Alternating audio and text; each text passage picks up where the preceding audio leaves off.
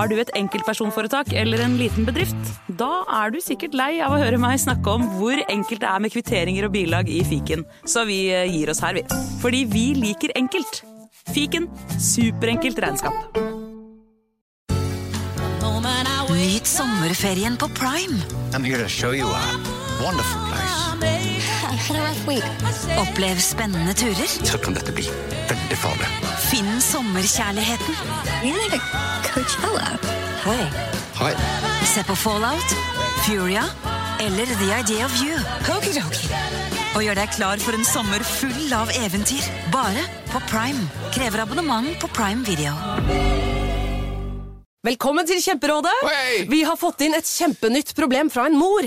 Jeg leser. Hei, jeg har en datter på 11 år som vurderer å slutte med orientering. Hun elsker jo å løpe, men finner aldri veien. Og jeg må sitte så lenge i bilen og vente.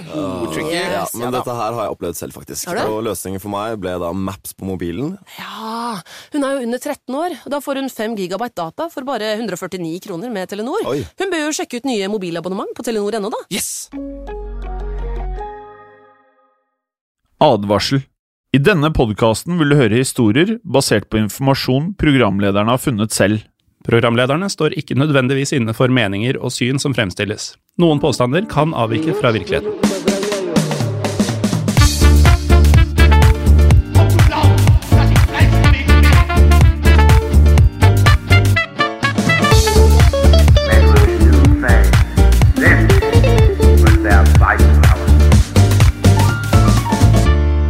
Og velkommen til historiepodden andre verdenskrig. I dag så har vi en perle av en kuriositet eh, til dere, som i hvert fall jeg har gleda meg til. Og jeg er som vanlig Morten Galaasen, og med meg så har jeg også deg, Jim Fosheim. Det har du, Morten. Og når vi sier perle, så er dette her en episode vi lenge håpte kunne bli en vanlig episode, altså en lengre episode. Eh, Men det er eh, kanskje litt sånn snaut med informasjon til å dra den ut i over en time. Så med det så valgte vi å gjøre den til en kuriositet, og det er virkelig en av de episodene jeg har sett mest frem til, for det er såpass Og det der er kuriøst! Det må jo være lov å si det? Det er jo det. Um, og det er så mye altså Det er en del sånne legender, føler jeg, knytta til det. Selv om det er uh, altså, satt til historisk tid, som man sier. Og med Ja. nok av kilder til å vite at det vi skal snakke om i dag, det har skjedd. Ja, og det er ikke i hver episode av historien på den andre verdenskrig det går an å kombinere idrett eh, og sport med krigen. Men eh, det skal vi altså gjøre i dag, selv om det er før krigen bryter ut. Så er det nemlig slik at vi skal prate om de olympiske lekene som eh, var i 1936 i Berlin. Det skal vi, Jim. Og da lurer jeg på først, har du vært i Berlin? Og da spesielt på dette OL-anlegget? Uh, nei, jeg har vært i Munich, i Kiel og i uh, Hamburg. Mm. Ja, men da, da tar vi en Berlintur når verden tillater det. Så skal jeg vise deg disse monumentale anleggene som ble bygget til eh, dette OL-et. Men uh, vi får vel nesten sette i gang. Uh, for det er jo få olympiske leker som har gjort større inntrykk enn akkurat de som fant sted i Berlin i 1936. For selv om disse lekene åpenbart var svært kontroversielle, noe vi skal komme tilbake til for øvrig, så var de også svært vellykkede rent eh, sportslig sett. Og i denne episoden så skal vi se på ulike elementer ved disse lekene, og prøve å gi et bilde av hvordan OL 1936 eh, utspilte seg. Helt riktig. Og før vi kanskje går i gang med selve lekene, så føles det vel riktig å eh, ja, sånn helt kort forklare hvordan Berlin ble tildelt OL i 1936.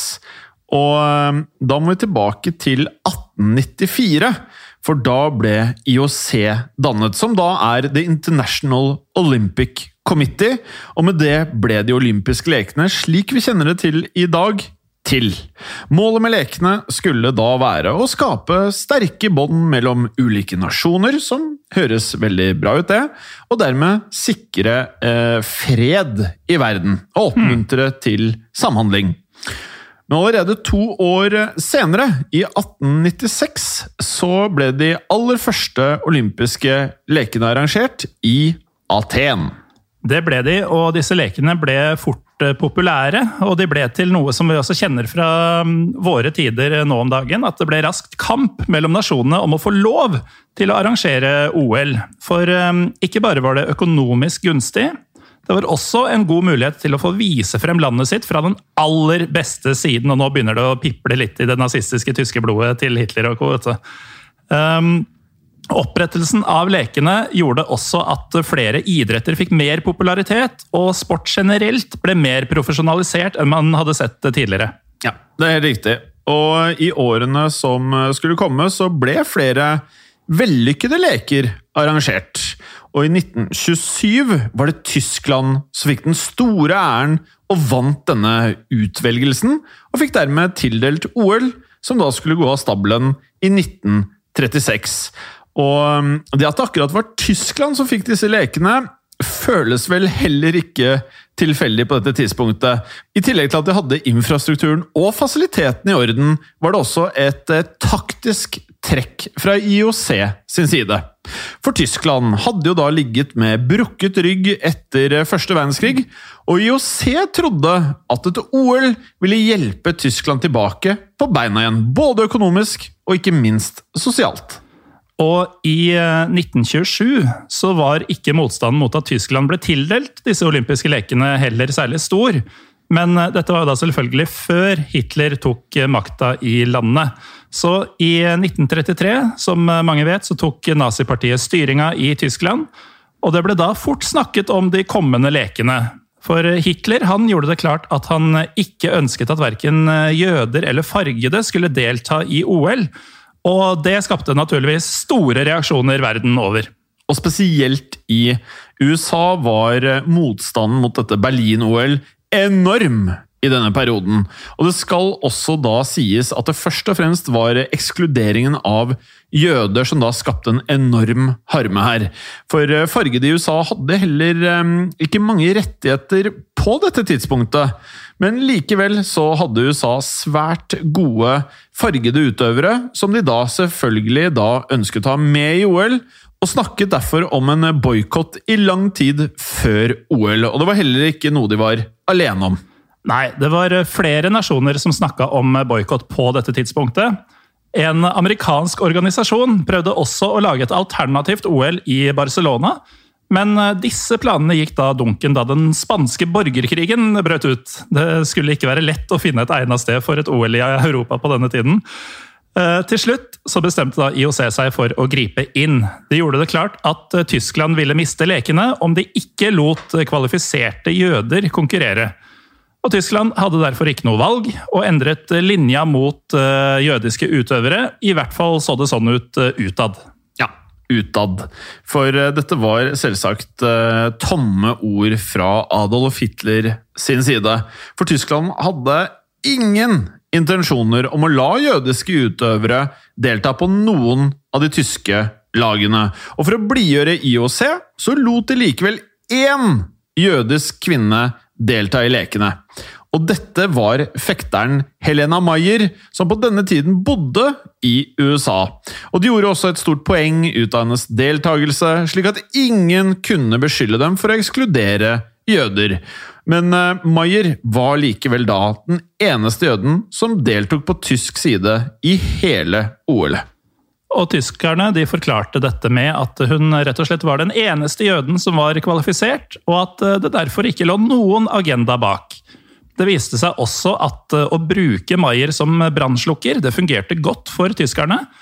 Og da OL i Berlin gikk av stabelen 1.8.1936, så var det med deltakerrekord på til sammen 49 nasjoner, som da var flere nasjoner enn det hadde vært med i noe OL tidligere.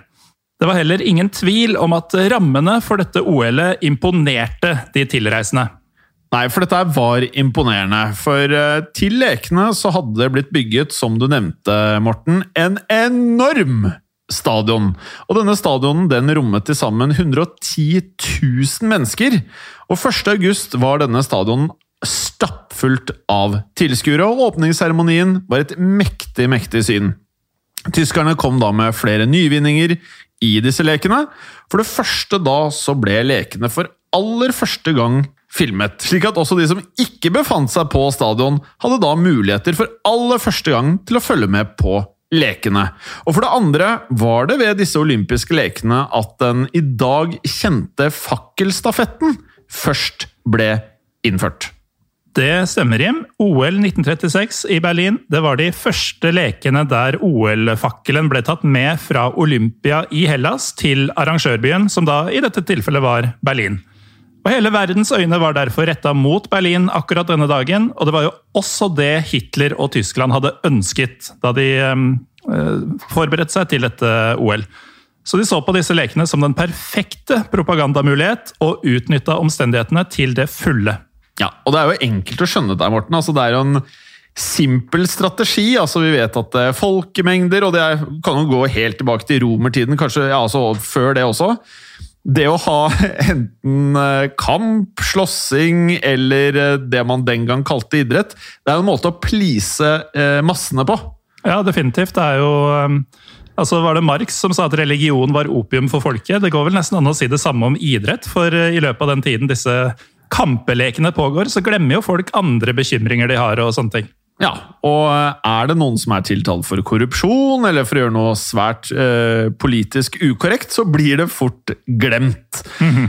um, for sånn det var, så var det jo da slik at det på stadion og i gatene så hang det svære svastika, og de tyske tilskuerne hilste hele tiden Hitler med denne nazihilsen, da. Og Ifølge IOC var det da ikke lov å holde politiske taler ved lekene, og med det så måtte da Adolf Hitler nøye seg med å ønske velkommen til OL i Berlin, og han takket da alle sammen som hadde møtt opp. Det var likevel liten tvil om at eh, Hitler fikk det som han ville her, for eh, det var jo da slik at Tyskland var nå i sentrum, og han selv fikk jo da enormt med publisitet verden over. Ja, og etter denne seremonien så var altså lekene i gang, og nivået var, ettersom det var flere deltakernasjoner enn før, høyere enn noensinne. Tyskland gjorde det svært bra i de aller fleste grenene, men måtte likevel flere ganger se seg slått av deltakere som de, altså nazistene, anså for å være undermennesker. Vi snakker da selvfølgelig først og fremst om den afroamerikanske utøveren Jesse Owens, som stilte på flere løpsdistanser i tillegg til å delta i lengdehopp. Ja, og dette har blitt en ikonisk eh, idrettsutøver, selvfølgelig. Mm. Eh, og han eh, gjorde det svært så bra, eh, som sikkert mange vet. Um, Owens han startet da rett og slett med å vinne kanskje det som for mange er det aller gjeveste av mm. OL-grener. Nettopp 100 meter sprint. Eh, og han vant ikke eh, med noe liten margin. Det var helt klart han som var den beste idrettsutøveren i 100 meter i verden.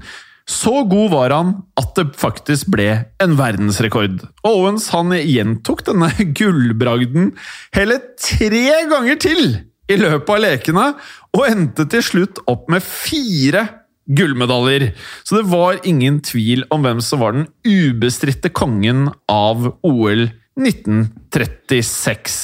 Nei, og det at en farget mann gjorde det så bra, det resonnerte selvsagt ikke så godt hos eh, nazistene.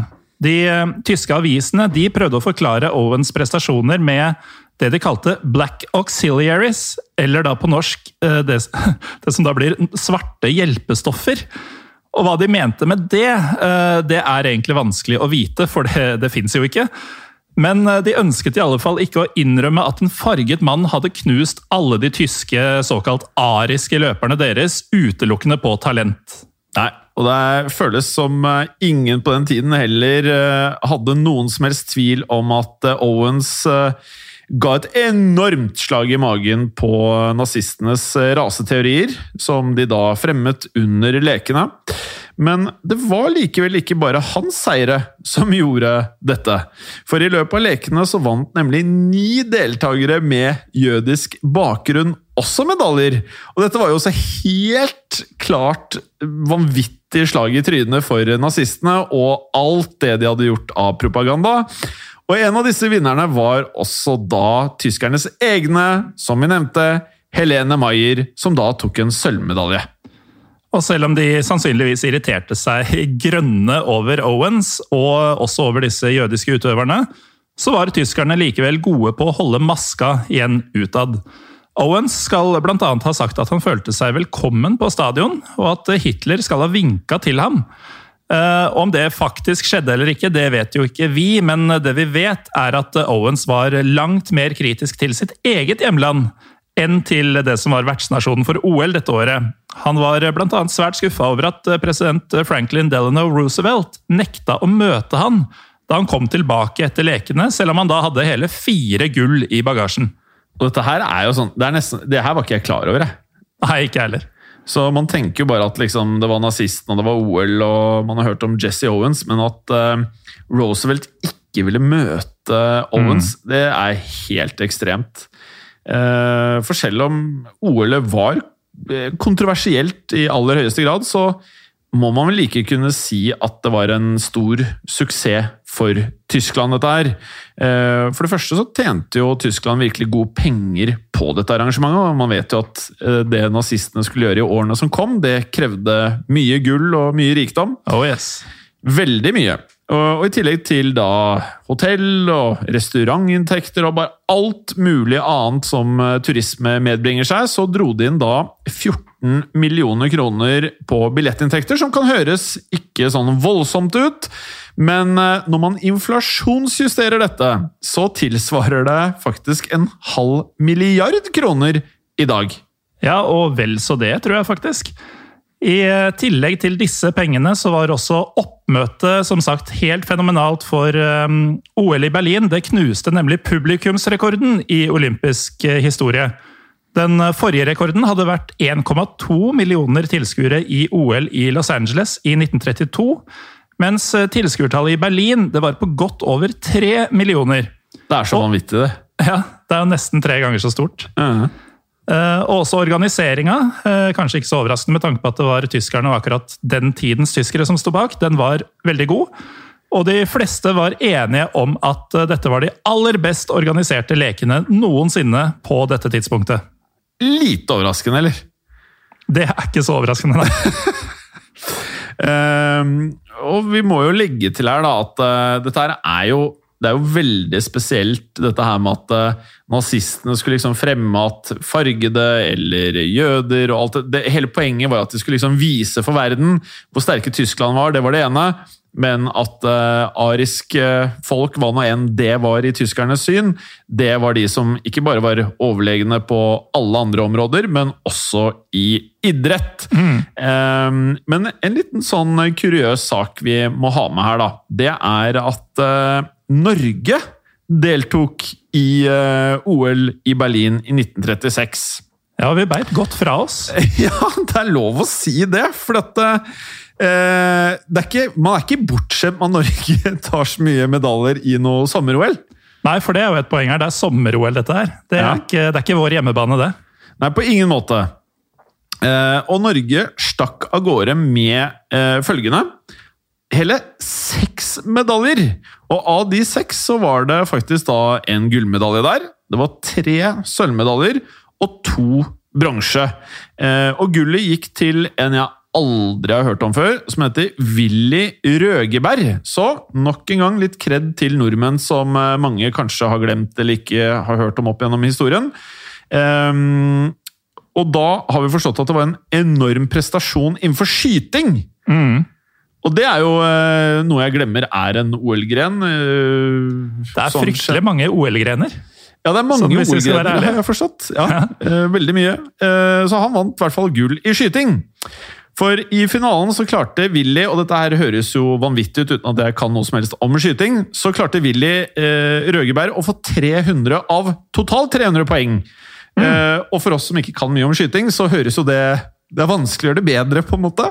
Ja, det, altså, det er jo full pott. Det er perfect score. Altså, jeg tenker Uansett hva du driver med, så er det ikke så lett å komme i nærheten av det. Potten kan på en måte ikke bli større. Nei, så Willy Røgeberg han, han kunne skyte, og han holdt nervene under um, kontroll. Men um, altså Willys prestasjon var selvfølgelig voldsomt imponerende, men det var én prestasjon som i senere tid uh, blir huska langt bedre. Og jeg snakker jo da selvsagt om det beryktede bronselaget, Jim. Ja.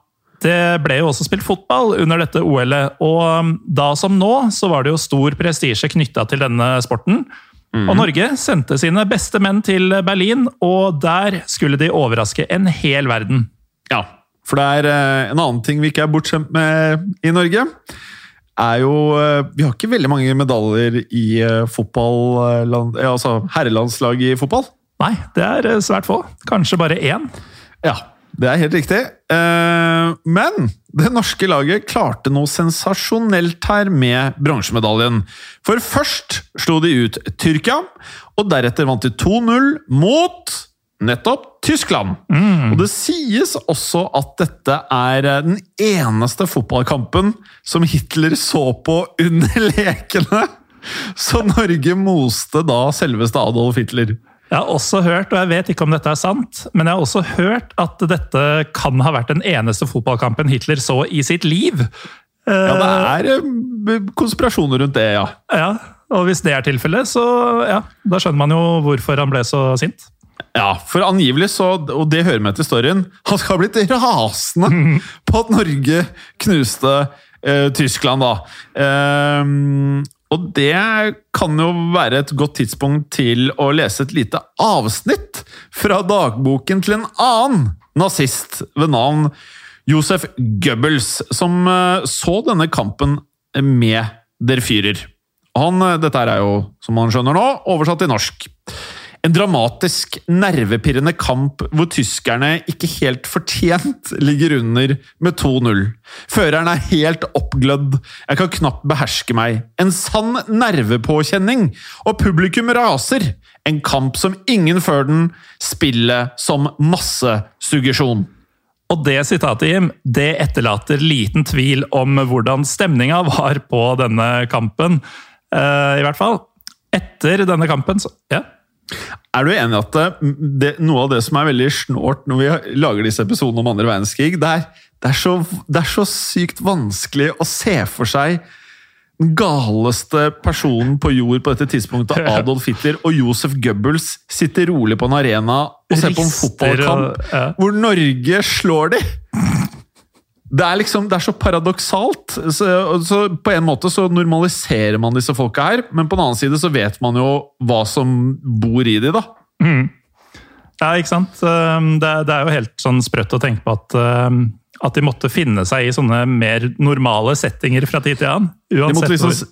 de måtte liksom spille, eh, spille for gallerien og late som Ja. dette ikke var verdens undergang, men bak kulissene så åpenbart så holdt det på å eksplodere. Men uansett, eh, etter denne kampen så tapte det norske landslaget omsider mot eh, Italia i semifinalen.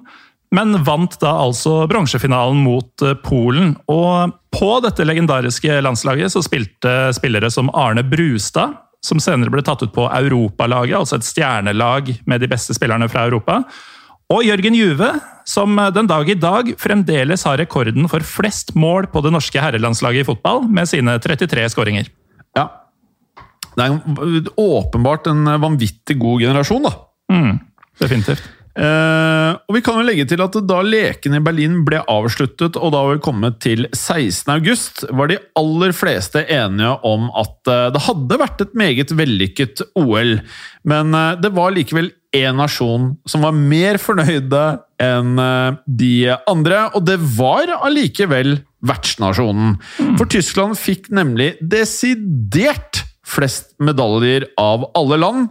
Totalt så klarte de å ende opp med 89 medaljer, som da er langt foran USA på andreplass, som da klarte kun 56 medaljer. Og selv om det, på tross av det vi har nevnt så langt, var et vellykket eh, arrangement rent sportslig sett, vil likevel OL i Berlin bli husket som et av de mest kontroversielle OL gjennom tidene. Ja, vi har jo vært litt innom det før, men eh, i tillegg da, så tok det jo ikke lang tid, som vi vet, før jødenes situasjon i Tyskland ble forverret etter disse lekene. Og TV-bildene av Hitler og vegger med svastika de gir jo i dag svært ubehagelige assosiasjoner. Og som vi også vet, tre år etter OL så startet jo andre verdenskrig, og et nytt OL ble derfor ikke arrangert før i 1948, eh, og det var i London. Ja. Og eh, da vet man jo at eh, ikke bare fikk de det siste OL-et før krigen, men de klarte altså da å pushe neste arrangement, sånn at det da gikk tolv år istedenfor fire, som er det vanlige med både sommer- og vinter-OL, selvfølgelig. da. Ja. Og med det, Morten, så er eh, dagens episode om OL i Berlin i 1936 ved veis ende. Og man skjønner jo nå hvorfor dette her bare blir en kuriositet, men det er informasjon som jeg tror veldig mange kanskje ikke er klar over. Man har hørt om det, man har hørt om Jesse Owens, men man har liksom ikke helt um, konteksten klart for seg. Nei, det er det. Og så nevnte jeg jo innledningsvis Jim, dette mm, formidable anlegget som vi så vidt har toucha litt innom eh, underveis. fordi mange tenker jo da på selve Olympiastadion, som man sikkert har sett eh, ja, om det er noe friidrett eller fotball fra, eh, enten på TV eller i virkeligheten. Men faktisk så er dette Olympiastadion, eller dette olympiske anlegget i Berlin, det er altså et enormt område. Altså Når vi snakker om publikumsrekorder og sånn, så er dette da ikke sånn som når, eh, da OL på Lillehammer fant sted, og noe skjedde på Hafjell, og noe på Hamar og noe på Gjøvik og sånn. Alt foregikk da her. Så du har dette svære fotball- og friidrettsstadionet som på en måte er hovedgreia, men du har også svømmebassenger eh, og alt mulig annet som du trenger til dette her. da. Så disse folka var samla på et gigantisk område som du i dag kan eh, besøke. Ja, Men eh, det er veldig sånn tyskt også at det sikkert er veldig godt bevart, eller? Veldig godt bevart og veldig sånn eh, grandios eh, arkitektur, må det være lov å si.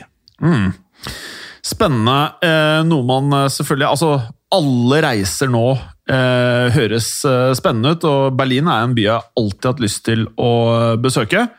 Eh, og med det, folkens, så håper jeg dere satt pris på kuriositeten, og at dere lærte litt av dette. For at, som sagt, alle har hørt om dette. Man visste jo f.eks. ikke at Jesse Owens ikke fikk lov til å hilse på presidenten Roosevelt etc. Eh, og gjerne da at Goebbels skisserte at dette her var eh, noe som de nesten ikke klarte å, å håndtere. Og med det, folkens, så eh, er det slik at dere finner oss på Facebook. Vi heter Historiebåten Norge. Vi har en Facebook-gruppe som har runda akkurat 3000 medlemmer. Endelig, for det har vi Ja, snakka lenge om. Endelig, ja. Endelig.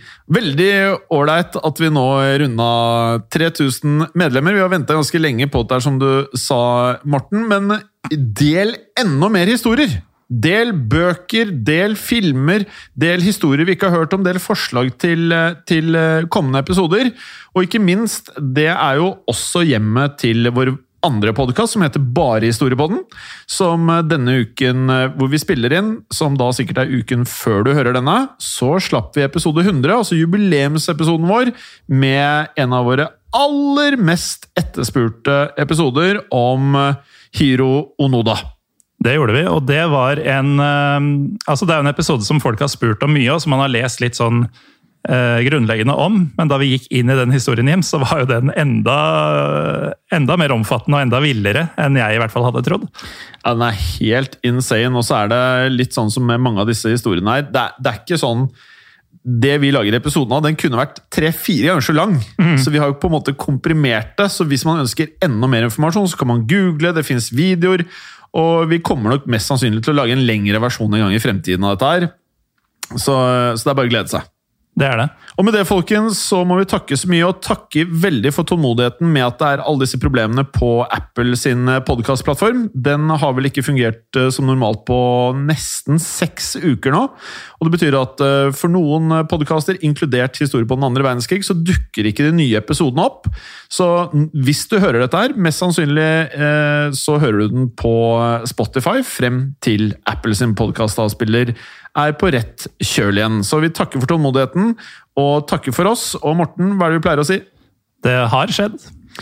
Og det kan skje igjen. Ja. Ha det bra. Ha det. I produksjonen av Historiepodden så ønsker vi å takke Håkon Bråten for lyd og musikk. Takk til Felix Hernes for produksjon. Takk til Ellen Froktenestad for tekst og manus. Og takk til deg, Morten Galesen, for programlederrolle. Og takk til deg, Jim Fosheim, for programlederrolle.